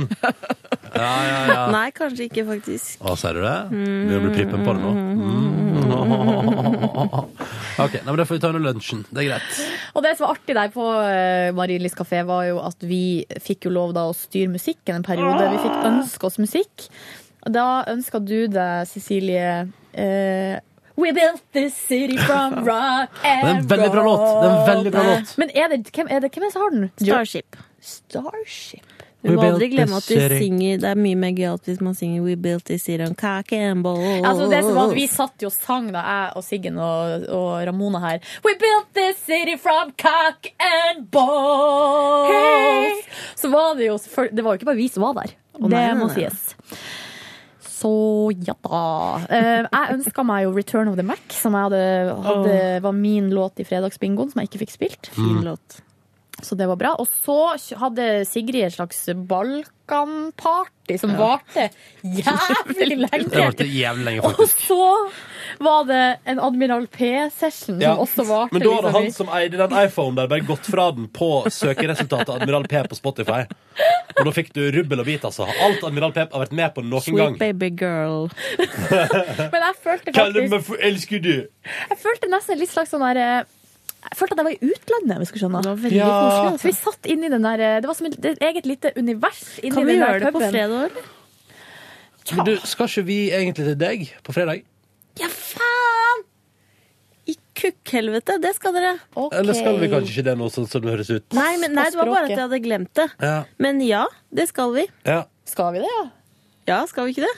jo, det Er vi ikke alle enige om det? Jo, vi må ta en prat om det. Vi må ta en prat om det. Men jeg er veldig, men posi jeg er veldig positiv. Jeg er veldig positiv. Hei. Hei. Uh, ja, det stemmer. Vi ankom også, jeg og min kjæreste, der etter hvert. Ja. Altså For, for en beslutningsvegrig Ja, hva altså. var det som skjedde? For at vi for jo dit veldig tidlig, Ja. og så var det meldinger fram og tilbake, og dere kom Når var det dere kom? da? Klokka Nei, halv ti? Nei, vi kom før Ni? ni. Ja. Jeg tror Å, vi ja. satte oss på bussen halv ni. Eh, ja, det gjorde vi. Uh, nei, vet du, det var Først var sånn skal vi, ta, vi skal ha en rolig kveld hjem, drikke litt rødvin, mekke noe mat. Men så hadde uh, hun hadde vært hos, på middag med sin bestemor, så hun var mega, megamett. Og jeg hadde spist, vært på trening og spist noen bagels, så jeg var megamett. Så var det sånn Ja, nei, hva gjør vi da? Nei, har dere, det er for noen timer til vi blir sultne. Ja, det er det. Ja, skal vi bare stikke og drikke øl, da? Ja, det gjør vi. Så stakk vi og drakk øl, og idet vi setter oss på bussen, så er det sånn Faen, jeg er egentlig litt sulten, jeg. Ja, det er egentlig jeg òg. Kan jeg røpe at det ble burger på Esso etter midnatt en gang. Det var det det ble. Så Det er veldig god burger på Høl òg. Ja, vi kom for, vi kom for seint. Det var pizzaservering, men vi droppa det. Men eh, vi dro jo i lag hjemover. Ja, det gjorde vi. Da gikk det, var det snakk om noe kebab. Det ble ikke det, da? Et, eh, hun insisterte, gikk inn på den kebabrestauranten hun vurderte, og mens jeg sto og pratet med en hyggelig Peter-lytter utafor, og så kom hun ut igjen med en gang og sa sånn Vi, vi går. Å ja, var det Eh, ikke bra sjappe? Nei, det var, hun hadde reagert, det var noe oppbevaring av kjøtt der inne som hun hadde reagert på. Nei. Eh, Øh. så da gikk vi til min lokale SO, og der fikk vi servert god mat. Mm. God mat. Jeg ble ganske full. Det her. egentlig jeg òg. Samme her. Men jeg drakk fire glass vin. Det var sånn sove eller kaste opp-stil når jeg kom hjem. Var det Nei, men- det, ja? Ja, det var det. Jeg var i megaform, og på lørdag sto jeg opp klokka ni. Ja. Og hadde en veldig, veldig fin eh, morgen og formiddag. Spiste frokost, egg, bacon. Skikkelig digg. Hørte på radio. Hørte på RR, eh, Best of RR. Det var veldig bra, koselig. Og så, da Hørte du klokka på meg på Lørdagsrådet, da? Fra Nei. Lillehammer? Men akkurat det rakk jeg ikke, holdt på å si. Nei. Jeg lå i senga og duna til Ja. klokka hadde bikka tolv. ja. Dessverre. Hvorfor sto du opp klokka ni når du kunne sove til tolv? Nei, jeg, jeg våkna ni. Jeg våkna ni og lå og duna i senga til Det er det tolv. Beste. Det er det beste. Ja. Så koselig, da. Ja. En fin lørdag formiddag for Silje Nordnes. Så eh, for jeg til Elverum på, bus på bussen. Elverum og kjøkken. Nei, gud a meg, den uh, vintage joke. Vintage joke. Det er Hedmarksjoke, liksom. Nei, fort elv. Elverum. Jeg skulle jo til Var det fordi du skulle på elgstua? Ja, jeg leide meg inn i rom der. Det nye hotellet der attmed Elgstua er jo dritsmooth, da. Kanskje vi skal rett på seminar der? Satt du deg på elgen? Eh, og tok bilde. Selvfølgelig gjorde jeg det. Vurderte Insta, men så tenkte jeg nei, Nei, det her er ikke et Insta-moment. Ja. Nei, jeg skulle jo til Elverum for å sette vakt over min høygravide venninne. Som er gravid, har en unge på snart to og et halvt år. Og greia er jo at hvis da plutselig denne babyen kommer, så må noen ta vare på den ungen. Mannen i familien var borte. Ja. Han spiller håndball. ja. Så da eh, for jeg dit. Bussturen var altså så koselig. Hørte på, rad, hørte på musikk. ja. Kosa meg gløgg. Mhm. Kom fram til Elverum, og der var jo den ungen i fyr og flamme. Så vi leka, spilla håndball, og det var veldig, veldig koselig. Vi var liksom overtrøtt, liksom, begge to. Mm. Så da var det veldig heftig stemning. Og så, Ronny, ja. skulle venninna mi lage Jeg bare sender kjapp. Jeg lurer på om jeg Må du gå? Eh, Nei, det, det jeg har fått inn Hvorfor er det det Hæ? Musikkmøte i dag? Ikke gå. Vent, da. We built the city from cock and balls. Ja. Mm. Hva er det som skjer nå? Det er han uopplyst og sånn, men ja. Venninna di skulle lage middag på Ja. lørdag kveld. Og skal du gjette hva hun lagde? Jeg tipper det var Shepherd's Pie. jeg, ass. Det var, eh, det var tacokjøttdeig, Mm. potetmos, Ja. ost og nachochips. Og jeg droppa grønnsakene. Ja, for det, nei, det hadde salat, eh, det hadde salat til, da. Og hvor godt var det? Det var veldig godt. For Ja. greia var at jeg hadde jo megaoverskudd på lørdag, men da jeg liksom hadde kjørt to timer med buss, så kjente jeg jo at eh, den fredagskvelden liksom kom og banka på og sa sånn Hallo! Må du ikke glemme at du var ute i går? Nei, må du aldri glemme! Så da eh, Nei, det var, det var veldig godt, altså. Ja, ja, ja. ja. Så så jeg på Lindmo, så da på eh, mitt eh, nye slags maktcrush, som er da eh, sjefen i Hewlett Packard, Anita. Håper jeg, altså. Altså, eh, nå skal jeg finne ut hva hun heter. Vi hadde Anita Krohn eh, Tråseth. Hun er eh, administrerende direktør i Hewlett, Hewlett Packard og skriver blogg. Har skrevet bok nå om ledelse. Eh, og er en veldig eh, bra dame. Digimon. Digimon, liksom. Så det, var, så det var lørdagen min. La meg tidlig. Søndag sto opp klokka halv ni. Så den søndagen òg varte og rakk. Skal jeg dra frem et høydepunkt? Ja. Jeg leste jo hele boka til Anja Gro. Så på håndballkamp. Så på Nei, det var på lørdag jeg så på håndballkamp. Så på Hannah Montana The Movie. Oi! Ble så rørt at jeg gråt. Nei. What? Jo, for at det var et veldig eh, rørende øyeblikk der. Fordi at i filmen der så rives og slites Miley veldig mellom den ekte Miley og Hannah Montana. Hun føler liksom veldig at hun lever på ei løgn. Og sånn. Ja, så, sånn, ja. så kommer det et øyeblikk der Dramatisk. Altså, det var veldig sterkt. Så jeg fikk tårer i øynene Ja. og begynte å gråte. Nesten litt. Venninna mi ble sjokkert. Um, og så sov jeg og min guddatter Selma på to og et halvt på sofaen. Times tid. Det var veldig koselig. Uh, og så tok jeg bussen tilbake til Oslo. Ja. Ja. Spennende. Håper du nok en- fint tilbake i Oslo, da? Uh, nei, men det skal sies. Greia er at uh, denne bussturen Elverum-Oslo har jo jeg tatt mange ganger. Ja. Og man kjører forbi, ved Mjøsa, forbi Espa, der de har sånne sjokoladeboller som det snakkes Stopper mye de på Espa? Nei. Eh, og For de vei Espa-bollene kan jeg herved nå, etter å ha prøvd dem, eh, anbefale. godkjenner at de er gode. Ja, veldig gode. Men greia er at de kjører den samme veien hver gang. Ja. Men denne gangen så kjørte han en annen vei. Kjørte liksom bare gjennom skogen, liksom. Ja. Vi kom aldri ned til eh, Mjøsa. Nei. Og da vet du hva jeg tenkte på et tidspunkt? Nå blir vi faen meg bortført. Ja, hele bussen. Nå kjører han oss til Sverige, liksom. Ja, ja. På Harryhandelen. eh, og så hadde jeg musikk på øret, så eh, jeg har ikke fått med meg noen beskjeder. eller noe sånt, Men Nei. det jeg regna med, er at for at det driver og bygger så mye på den veien. Ja, ja, ja. Um, og at av uh, hjemkommende vinterferietrafikk og den bygginga, så har han sjåføren funnet ut at nei, nå kjører vi en annen vei. ja. Nå går det. Smart sjåfør. Men det tok jo Vi var jo greit forsinka, da. Uansett. Ja, men dere har sikkert vært mer forsinka på andre veien. Ja, kanskje. Ja, kanskje. Kanskje. Kanskje, maybe. Og jeg har funnet ut nå at min ultimate guilty pleasure er artisten Pitbull. Som jeg bare blæsta liksom mens jeg satt på bussen. I tillegg fikk jeg Noget kjekk fyr. Syns du Pitbull er kjekk? Yes. Du vet, han, vet du hva? Han har et sånn drag av overgriper over seg. Vet du hva? Jeg tror at han Jo. knulla full dame, liksom. Kelly og Pitbull. Er det mulig?! Ja ja, lykke til på reisa. Pass deg for R. Kelly. Og så fikk jeg også, og greia at på denne bussturen, og det irriterer meg jo noe så grønnjævlig at det bare er edge Ja, det oppi Hedmark der. Det er er så, men det er jo selvfølgelig Netcom da, som jeg har. Og jeg fikk et sånn akutt eh, behov for å høre Justin Bieber 'Somebody to Love'. Så fikk du ikke fått på den? Jo, Ah, det- men jeg brukte så jævlig lang tid på først laste inn liksom iStore. Så måtte jeg søke på Justin Bieber. Sø alle låter. Det tok så lang tid. For jeg Spotify? Ja, jeg vet det. Ja, og ta på 'available offline'. Available offline. Jo, men det hjelper jo ikke hvis jeg ikke har Nei, somebody to love. da er det jo Love'. så lett å finne det online etterpå. Ja, men um, Nok om det. Men nok om det. Jeg fikk den til slutt. Og da jeg da hørte på den, så var det ikke helt verdt det. det var ikke verdt all, hele ikke jobben. Overrasket. Jeg er ikke overraska. Ja, nei, men Så bra helg for deg, da. Nå skal vi ta gjennom mi kjapt. Ja! Yes, jeg var jo indeed, ja. uh, trente på fredag. Føltes bra.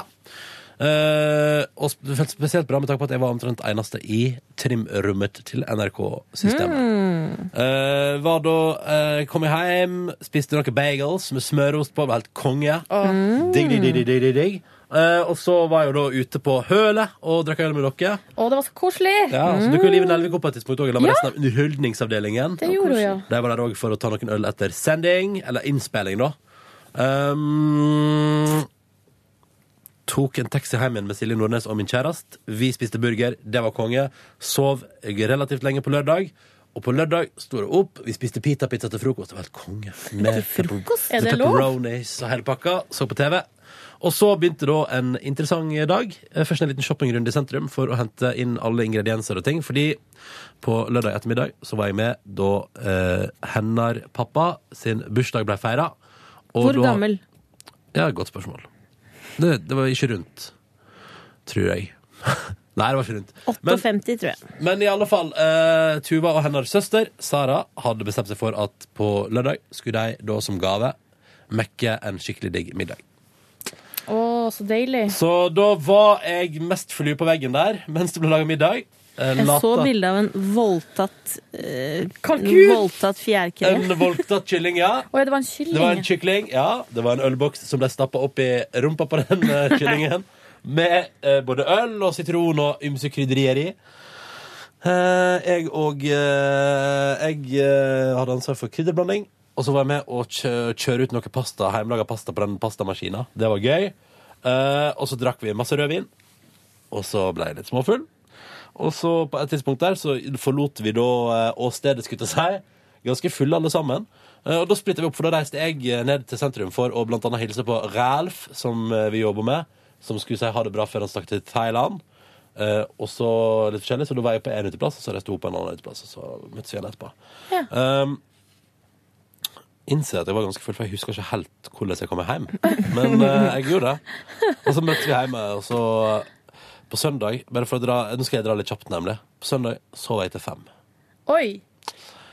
Mm. Shit. Hun reiste i barnebursdag, jeg fortsatte å sove. Våkna fem. Stappa i meg noe frokost, tok meg en dusj, kom ned til sentrum, for vi skulle på konsert med Drake. Artisten Drake. Oppvarmingsartist The Weekend. Det var veldig bra. Det var ikke ølservering på konserten, så vi drakk Pepsi Max og spiste popkorn. Jeg syntes dere var på kino, liksom. Ja, ja, ja. Det kommenterte Draco at vi som satt der, det så ut som vi var på kino. Uh, og jeg liker at noen har kommentert på Instagram-bildet mitt av det. At det er sånn, ja, uh, Draco var tydeligvis misfornøyd med at vi satt, men hvorfor kjøper man da sitteplassbilletter når, hvis man må bli tvunget til å stå? Enig i det. Det var jævlig deilig å sitte på konsert. Det skal vi ser- gjøre oftere. Det, syns, eh, det må jeg si når jeg ser eh, konsertvideoer fra USA og sånn, når de er på konsert, eh, så er det jo alltid sitteplasser, men det er jo ingen som sitter.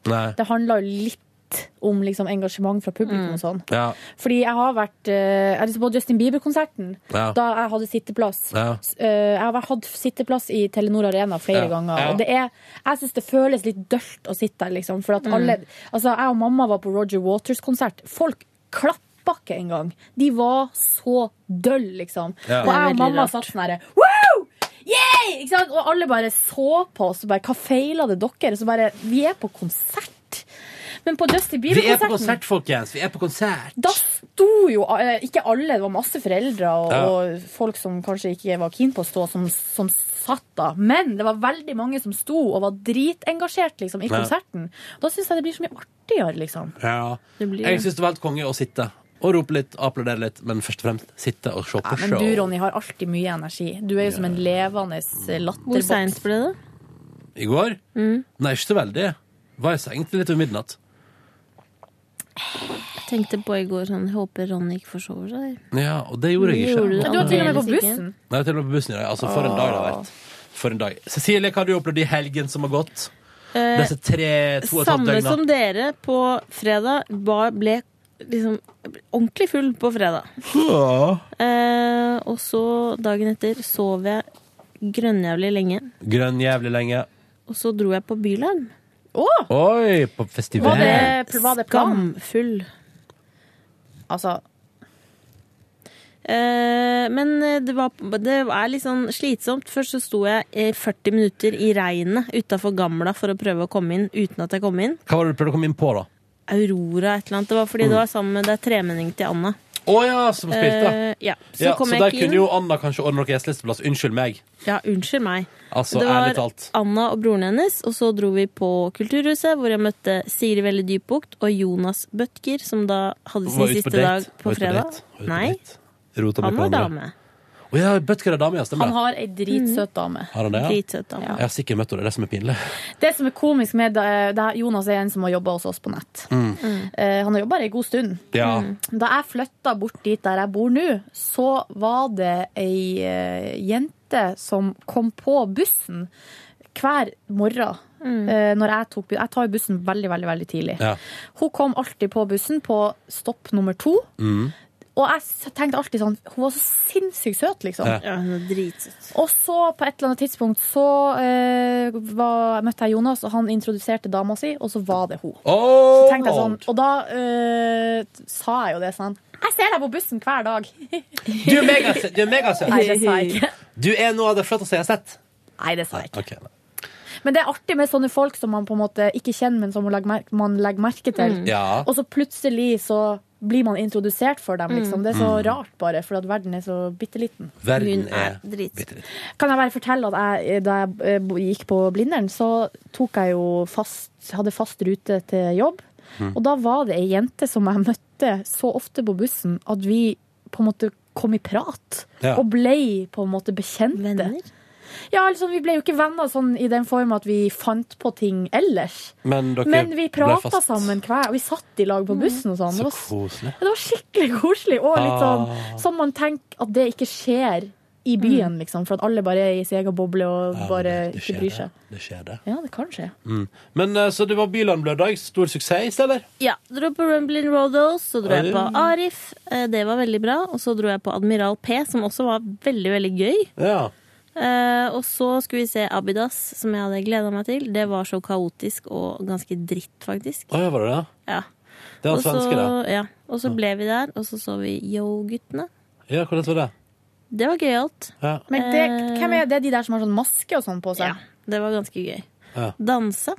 Eh, og så dro jeg på Le Metre. Og Herregud, så, for en, for en kveld! for en kveld. Ja. Eh, og så fant jeg og Anna ut, vi var noget fulle begge to, at vi skulle ha dansefot jukebox nach. eh, og, og når vi da skulle finne taxi, så er Anna som å, å ha en bikkje som har stikket av. For hun mener at hun, er, at hun kan bryte opp alle slåsskamper, så da fant hun en slåsskamp og løp som en liten bikkje, mens jeg ble kjempestressa. Så, sa kom her, Anna! Nei, kom her! ja. Hei, det var akkurat kom sånn, her! faktisk. Og så ville hun på restaurant. På restaurant midt på natta? ja. Men det fantes ikke, så vi dro og kjøpte masse godteri på 7-Eleven og en stor pizza. Jeg spiste en falafel. Dro hjem, så på danseband, jukebox. Jeg har video av henne som synger med. Så det var sånn 'Jeg kan ligge med lydmannen i Varsengutane. og sang med på 'Granada'. Ja da. Det er ikke noe. Og så kledde hun seg in the nudies og la seg oppi min binge. Så sov vi. Sov vi For sammen. ei helg du har hatt, da. Ja. Og det var Kan veldig, veldig søndagen koselig. toppe ditt, da? Eh, vi sto opp. Jeg var grassat fyllesyk. Ja. Skulle egentlig møte en herre. Ja. Oi! Date? Eh, men jeg måtte si du, jeg er så katastrofefyllesyk. Har ikke Ja, vært så nettopp. fyllesyk siden 90-tallet. Kan vi møtes en annen dag? En, enten Var du som oss på fylla på 90-tallet? enten så kan du komme hit og se på alt som går på TV-kanalen Max. Mm. Og Det er ikke en så går du for maks? Det er ikke en så bra TV-kanal. Ja. Men hva med Også, Bliss og Fem? Nei, men. Bliss var det tynt i går. Ja. Men f- eh, Bloggerne? Blå- Går bloggerne der? Ja, men jeg orker Hallo? ikke å se på det. Og så Hva er det du Og så gjør? sa han, så sa han eh, Vil du møtes og spise noe? Så sa jeg du, jeg orker ikke å spise noen ting. Å nei. Men Ronny, hva, ikke gjør det der. Nå har Ronny tatt og plukka mikrofonen av Åh. mikrofonholderen. Så sitter han og holder mikrofonen som en artist. Ja, men, ja, men ikke gjør sånn! Nei, ikke gjør det. Men det ble i hvert fall ikke noe av. igjen. Orker ikke. Det ble ikke noe av. Nei, så ingen date på deg i går? Nei, men det var jo ikke en date, da. Ja! Kan du ikke late som det var litt date? Nei, det var ikke en date, da. Ja. Og så hørte du på eh, deg sjøl på radio, der du innrømt tidligere i dag. Hørte på Jeg hørte Ramona litt på det. Ja, ja, det var bra. Liten evaluering var det bra. Syns det var en god episode av Ramona og Siggen. Er det anbefalt podkast? Bare last ned på podkast. Det var noe gøyalt der. Ja. Vi hadde med ellevilt gratistilbud med Håvard Lilleheie. Det veldig dere var ass. La, Nei, la, og så gikk jeg og la meg, og er fortsatt litt kvalm. Liksom. Jeg spiste ingenting uh, til middag i går. Jeg lurer på, jeg er så sulten at jeg vet ikke hvor jeg skal gjøre av meg, faktisk. Ja. Det beklager jeg at jeg er litt ufokusert her i bonussporet. Ja, men jeg også er så Mm. sulten at jeg er kvalm. Men det var altså min helg. Ja. Hva syns dere om sendinga? da? Gikk det bra, eller? Jeg syns det gikk fint, jeg. Det er jo mandag, liksom. Kjempefint. Jeg kjente på det når jeg kom på jobb, at jeg var litt sånn Vi kom jo rett til eh, Når vi kom på jobb, kom vi rett til litt sånn sur melding. Ja, det var sånn skikkelig sur eh, SMS. Som mente at eh, programmet vårt har blitt for dårlig nå. Det var bare dritt, og det eneste som var positivt, var musikken og nyhetene. Mm. Og da var det sendt... samme som sendte forrige gang? Nei, nei, for det andre var en tweet som vi fikk på fredag, fra en person Ja. som uh, mente at uh, nå burde P3 bytte ut programledere på morgenen der, for nå var det programmet begynt å bli litt svakt. Men da må vi ikke glemme alle som er fornøyd. Nei, Nei, men, det, nei, nei, Men man tar det jo til seg. Det Ja. gjør man jo. Jeg hadde, en, lang, en lang passiar på fredag når vi satt på hølet, om at uh, jeg syns sånne meninger er litt skumle. For man begynner jo etter hvert å lure på om, uh, om man går ut på dato da, på et tidspunkt. Mm. Om Mm. det på et eller annet punkt uh... Ja, skjønner tanken. mm. Men det er et eller annet når man bare kommer liksom på morgenen der og bare får det sånn rett i fleisen. Det, går, hei, det er ikke noe problem, liksom. Det går fint. Men uh, man får litt sånn herre åh. Ja. Men jeg syns vi henta oss inn igjen bra. Ja, det gikk fint i Fikk dag. opp eh, spiriten etter Gikk hvert. fint i dag. Ja. Ja. Det eneste som var dumt, var at Line var sjuk. Ja, det var Men hei, hun er sikkert tilbake inn i morgen. Vet du. Men Full det var av koselig. Det var som litt sånn Det var koselig å være Det var gøy at det hadde tre vært- stykker òg. Det var litt sånn Det har vært ganske mye Det har vært folksomt i det siste Ja, på sending. veldig. Det er litt deilig at det ikke er det, Ja. jeg. For Men så syns jeg det var deilig at det hadde vært Oscar i natt, for at da er det så mye som skjer med det, som er helt ja. Veldig. konkret. Og gøy å ha med Birger. Ja, du, jeg gøy. elsker Birger Vestmo. Jeg ringte jo han for å høre om alt var på stell, og altså Tjatra gikk. Ja. Du og Birger, ass. Hæ? Men han er så proff, liksom. Han er så proff og Ja. positiv og bare er en generelt veldig fin fyr. Det er alle de som jobber i Filmpolitiet. Ja. De er kjempeflinke. så deilig å snakke med de, for de har så mye peiling. Jeg vet nøyaktig hva jeg skal levere i et sånt program. Som Ja. Petter Morgan, Det er veldig deilig. Det er veldig fint. Profesjonell! Ja, ja. Profesjonell. Nå Skal vi gå og spise, eller? Ja, eller, skal, eller, skal vi, skal vi, eller skal vi endelig svare på noen e-poster i dag? Ja, kanskje Ja. vi skal gjøre det? Ja, vi gjør det. Ja, før Vi har jo hatt ekstremt lange bonusspor i det siste, da. Ja. Men eh, det Altså, Det må være lov. det må være lov. Ja. Skal vi se, nå skal vi bare se om vi finner Sjur Mikael har sendt e-post her. Hei sann, folkens. Jeg syns at deres program blir bedre og bedre. Det er veldig koselig. Alt Det er veldig på. koselig. Og, og så sånn, og at Jeg må si hei til Sjur Mikael, for han sendte meg en mail som jeg ikke har svart på. Og ja. Si at tusen takk for den mailen, Sjur Mikael. Jeg Mm. liker deg meget godt. Ja. Uh, han skriver at eh, dagens bonusprogram heter det beste. Det var på torsdag, var ikke det? Onsdag? Samme det. Gjerne mer teknisk prat i podkasten når det gjelder forskjell på teip Ja, bla, bla, bla. Uh, så det, han eh, eh, som heter lett å skue når hele sendinga blir teipa. Det er kjempelett, faktisk. Det er bare å legge merke til om vi introduserer nyhetsanker eller ikke. Det er den enkleste måten å, å merke det på, faktisk. Ja. Um, Ja, eller om vi teaser SMS. Ja. Og så er det jo ofte litt mer fjasete, er det ikke? Kan du Ja. avsløre at den surprisen på fredag var teipa, og det Ja, var det altså veldig, veldig rart. Ja. Det var Eh. noe med det mest fjasete vi har gjort, ja. Ja, det var det. Eh, han, lurer på, han skriver at han lurer på masse når det gjelder teknisk, blant annet hvordan SMS-programmet vårt funker. Det Vet ikke vi. er, nei, men, nei, men det er heller ikke særlig spennende. Det er en internettbasert SMS-tjeneste produsert her i NRK. Det ruller og går. Ruller og går. Så er det sånn at vi, eh, veldig vi bare trykker på refresh, og så dukker liksom de nye SMS-ene Mm. opp. Og så er det sånn at vi kan trykke på en knapp som heter merk, og da blir den SMS-en gul. Så Ja. da er det sånn at, hvis, hvis, sånn at eh, Sånn at jeg og Ronny kan begge to se liksom hvilke SMS-er som vi har på en måte merka oss ut, Mm. som vi har lyst til å lese opp eller snakke om, eller Ja. Og, i dag, Eh. og det går også an å fjerne SMS. Og i dag, når det lå en sånn uh, dritt-SMS der, da bare fjerner jeg den. Ja. Tenk sånn, den der, den gidder ikke jeg å bry meg om i dag. Så den sletter du. Ja. Eh, PS Cecilie er forresten veldig flink til å klippe. Du får jo ikke Tusen skryt takk. for klipping av podkast, Cecilie. Så hyggelig. Så er det Torbjørn som har sendt en e-post. Kjære P3 Morgen. Først av alt vil han bare si takk for et hyggelig program. Det er koselig. Eh, eh, skal vi se her. Han eh, Han skrur oss på rett etter at han skrur av alarmen på mobilen sin. Eh, og så liker han Åpa Åpa-bonanzaen min. Det var hyggelig. Eh, han liker at jeg trykker på knappene. Refererer til et program jeg lagde i 2009, som han òg har lagt med link til. Det er koselig. Ja. Ja. Det er visstnok et program der du har eh, lagt, spilt av noe lyd fra Shakira Ja, det en er million, She-Wolf- She-Wolf-hylet hennes. en million ganger. Ja.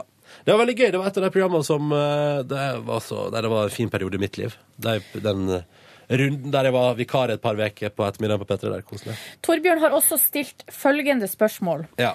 Hvorfor skal alt på radio og i media generelt være så forbanna hemmelig? ja! Eh, og han refererer jo da spesielt til f.eks. det at vi skulle lage et sånn videoprosjekt til nett. Eh, har det noe å si om vi avslører det her på bonussporet litt tidlig? Eh, og han også refererer til eh, da det ble snakk om Steinar og Bjørns bærbare fredagsparty, at i starten var det jo megahemmelig hva det skulle være. Eh, men uh, at Steinar og Bjørn skulle gjøre noe, fikk vi vite. Er Ja. det kun for å holde oss lyttere nysgjerrige, eller er det andre Er det strategiske markedsføringsplaner? Det er vel en god blanding? Ja, fordi det er ofte vi får beskjed om at dette er internt foreløpig. Ikke mm. si det. Ja, og da må vi jo bare følge det. Og så er det sånn at hvis eh, Sånn markedsføringsmessig så er det jo sånn at hvis man har en ambisjon om å få et oppslag i VG eller Dagbladet f.eks., Mm. så er ikke det så mye verdt hvis man på en måte allerede har eh, spilled the beans, som det heter. Mhm. For at da er det ikke interessant for, de, eh, for avisene, da, for eksempel. For de vil gjerne ha det eksklusivt. Ja. Så Og så handler det faktisk av og til også om at eh, vi planlegger jo ting sånn etter hvert. Ting skjer litt sånn her og litt der. Eh, Man er i gang med masse prosesser. Men det er ikke sikkert at vi har blitt enige om alle detaljene. Det er ikke sikkert at ting er ferdig. Og av og til så kan til og med ting bli avlyst fordi at det kanskje plutselig ikke blir bra nok. Eller at det Mm. plutselig, og da er det veldig dumt hvis vi har sittet her og sagt sånn at vi skal gjøre det og det og det, og så blir det plutselig ikke noe av. Eller Mm. plutselig så uh, blir det noe helt annet enn det vi har sagt. Så det handler jo litt om det òg, at vi kan ikke bare sitte her og legge ut om alt som skjer eh, behind the scenes. Selv om vi gjør det mye. Vi gjør det mye, men det som, er, og det som jeg tror kanskje er det viktigste av alt, er tillit selvfølgelig at det er jo ikke interessant for for eksempel en avis å skrive om en ting som alle allerede vet. Nei. Eh, Men det jeg ofte føler på, er, eller som oftest i hvert fall i våre tilfeller, er det jo så lenge det ikke er helt 100% sikkert at ting blir noe av, så skal man kanskje holde det for seg sjøl. Ja. Sånn at det, ikke, det er så pinlig hvis eh, Ja, det er veldig pinlig å si at noe skal skje, og Ja. så blir det ikke. Ja, det er så masse, og det er en ting man lærer fort om denne mediebransjen som vi da er en del av her på et vis. Ja. Det er at det er mye prat og mye Oi, Oi. Cecilie. Hva er det rap? Hva er det du driver med? en Surkling i hals. Det var en lyd i halsen. Høne i halsen. Oi, oi, oi. Nei, nei, men det er mye som blir prata om. som ikke blir noe av. Forresten, denne e-posten her, Silje, dette er ikke den samme e-posten som jeg leser fra. Hva du sier for noe? Dette, det spørsmålet her blir ikke stilt i den e-posten jeg leser. Torbjørn har, altså, greia er at Torbjørn har, les, har skrevet en mail, Ja. og så har han skrevet en ny der det står Ah. 'holdt nesten på å glemme det viktigste spørsmålet mitt'. Ja. Så det var en slags uh, update fra han. Ah, han lurer også på Dette blir veldig teknisk. Han lurer også på hvem er det som fysisk legger inn musikken i sendingene våre. Det skjer automatisk, men det har de ikke alltid gjort. Kan jeg komme med en liten anekdote fra da jeg var 15 år og på utplassering i P3? Ja. Back in the days, Da satt jeg med en sånn liste med musikk, og så la jeg inn ei og ei låt. Søkte opp, la inn i kjøreplan, drog over. Eh, det tok lang tid.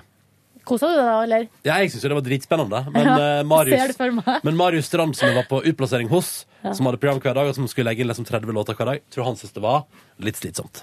Men måtte du fylle inn noen metadata òg, og skrive inn tittel og var har fått bare å dra over. Mm. Ja, så det, men det tok litt tid. Lars har også skrevet mail. Han var en av de som var ganske kritisk til deg, Ronny, og din uh, jinglepad-bonanza. Og så Ja. skriver han hei, Ronny, sorry hvis jeg var streng og ødela dagen din. Elsker deg fortsatt. Um, og så skriver han også litt det om lyd, at uh, ja, det er sant at av og til kan lyden drukne litt uh, mm. når man går langs veien, eksempel, og hører på podkast. Ja. Og særlig med sånn iPhone-headset. Det er jo ganske dritt.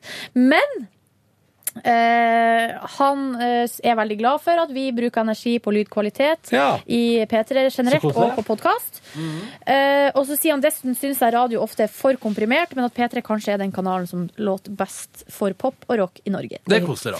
Og så stiller Lars et spørsmål her. Eh, og her står det Har dere, kanskje mest Silje, skriver han, noen tips til å komme i gang med en oppgave som det er en stund til jeg skal levere, sånn at jeg slipper å sitte hele natta før? Det stussa jeg litt på. Hvorfor spør han ikke hva i fordi jeg ikke er smart nok? Men har du Greit. Men, spørs okay. men spørsmål til dere to. Har dere sittet oppe hele Ja, ja, natta ja, ja, ja. og Ja, skrevet og det, det er derfor jeg tenkte sånn eh, For det jeg, har jeg. er en skippertaksperson. Samme her. Jeg er også en skippertaksperson, er men jeg har aldri sittet oppe om natta og verken skrevet oppgave eller lest eksamen. Aldri. Jeg, altså, hele min høgskoleutdanning gikk jo på at jeg jobba natta før eksamen. Jeg har alltid vært sånn at når klokka er, hvis klokka er ti, da, for eksempel, ni-ti, hvis jeg ikke er ferdig da, så får det bare være. Hvis, jeg ikke, og hvis jeg har eksamen neste morgen, så blir det sånn jeg, Hvis jeg ikke føler meg forberedt, vet du hva, det får bare være. Nå går jeg, jeg, lig- jeg går og legger meg. Ja. Men tipset må jo være Jeg syns også det er veldig vanskelig å motivere seg, men jeg tror Mm. tipset må jo være å Skru av eh, internett. Sett av tid. Eh, og si Skru av sånn, internett. og skru, prøv å skru av internett, og så logg deg ut av Facebook og sånn. Ja. Eh, ha et tilmålt tid, la oss si, og ikke mer enn altså, maks liksom to timer. Eh, og da, når det har gått to timer, så skal du gjøre noe koselig. Ja. Ta deg en kopp kaffe, eh, spis noe godt, Ja. gjør noe hyggelig. Ja. Så to timer igjen. Eh, og, og prøv å jo liksom Gode tips fra Silje der. Prøv å tenke, det her sa mamma alltid til meg. Prøv å tenke at det er en jobb, for at det er det faktisk. Du får betalt av staten antageligvis for å være Mm. student. Så det er en jobb. Men du får låne Eh, penger av staten for å være må, student. eh, Ja, men du får jo litt. Du får 40 Godt poeng. Det er ganske mye penger Ja, i løpet av eh, noen år. Ja. Ja, men det syns jeg var Og gode prøv å bare tenke på, det er det jeg bruker å gjøre, tenk på hvor jævlig den natta du eventuelt må sitte oppe, blir. Eller spennende. Jeg syns det er så jævlig med sånn våkenhet. Nei, det koser jeg meg med. Altså. Det syns jeg er exciting. Savner døgnet. Det må jeg gjøre snart. Danse, danse på Du hadde jo mulig, muligheten i natt, eh, jeg dropper det i natt. med Dropper det i natt. Oscar og så Ja. videre og så videre. Men det blir det viktigste Det er så dagen å teit- det er så- døgne på. Spoiler alert! Dansefot. Dansefot jukebox. Men kan jeg bare si en ting? Hvorfor sender TV3 Oscar på TV6, en kanal som ingen har? Fordi de skal prøve å gjøre den attraktiv å se på. Ja, men, har TV6. Det hjelper jo ikke det Jeg har TV6. at jeg, jeg har lyst på TV6, men det hjelper jo ikke det når ikke Altibox har den i sitt sortiment. Ja, det er et veldig godt poeng. Får ikke gjort noe Vi med må gi det. oss der, vi. For nå skal jeg på musikkmøte, jeg, tydeligvis. Å nei. Ja, jo. Balls. Men hei, langt, da blir det lengre bonusspor i morgen, for da skal jeg ikke på musikkmøte i morgen. Wow, party, party, time, time, time. Party. Ha det. Glad i deg som hører på podkasten. P3 Morgen etter NRK hvis det skulle være noe. E-postadressa vår er alltid åpen for deg. Yes. Ha det! Hei da. Flere podkaster på nrk.no podkast.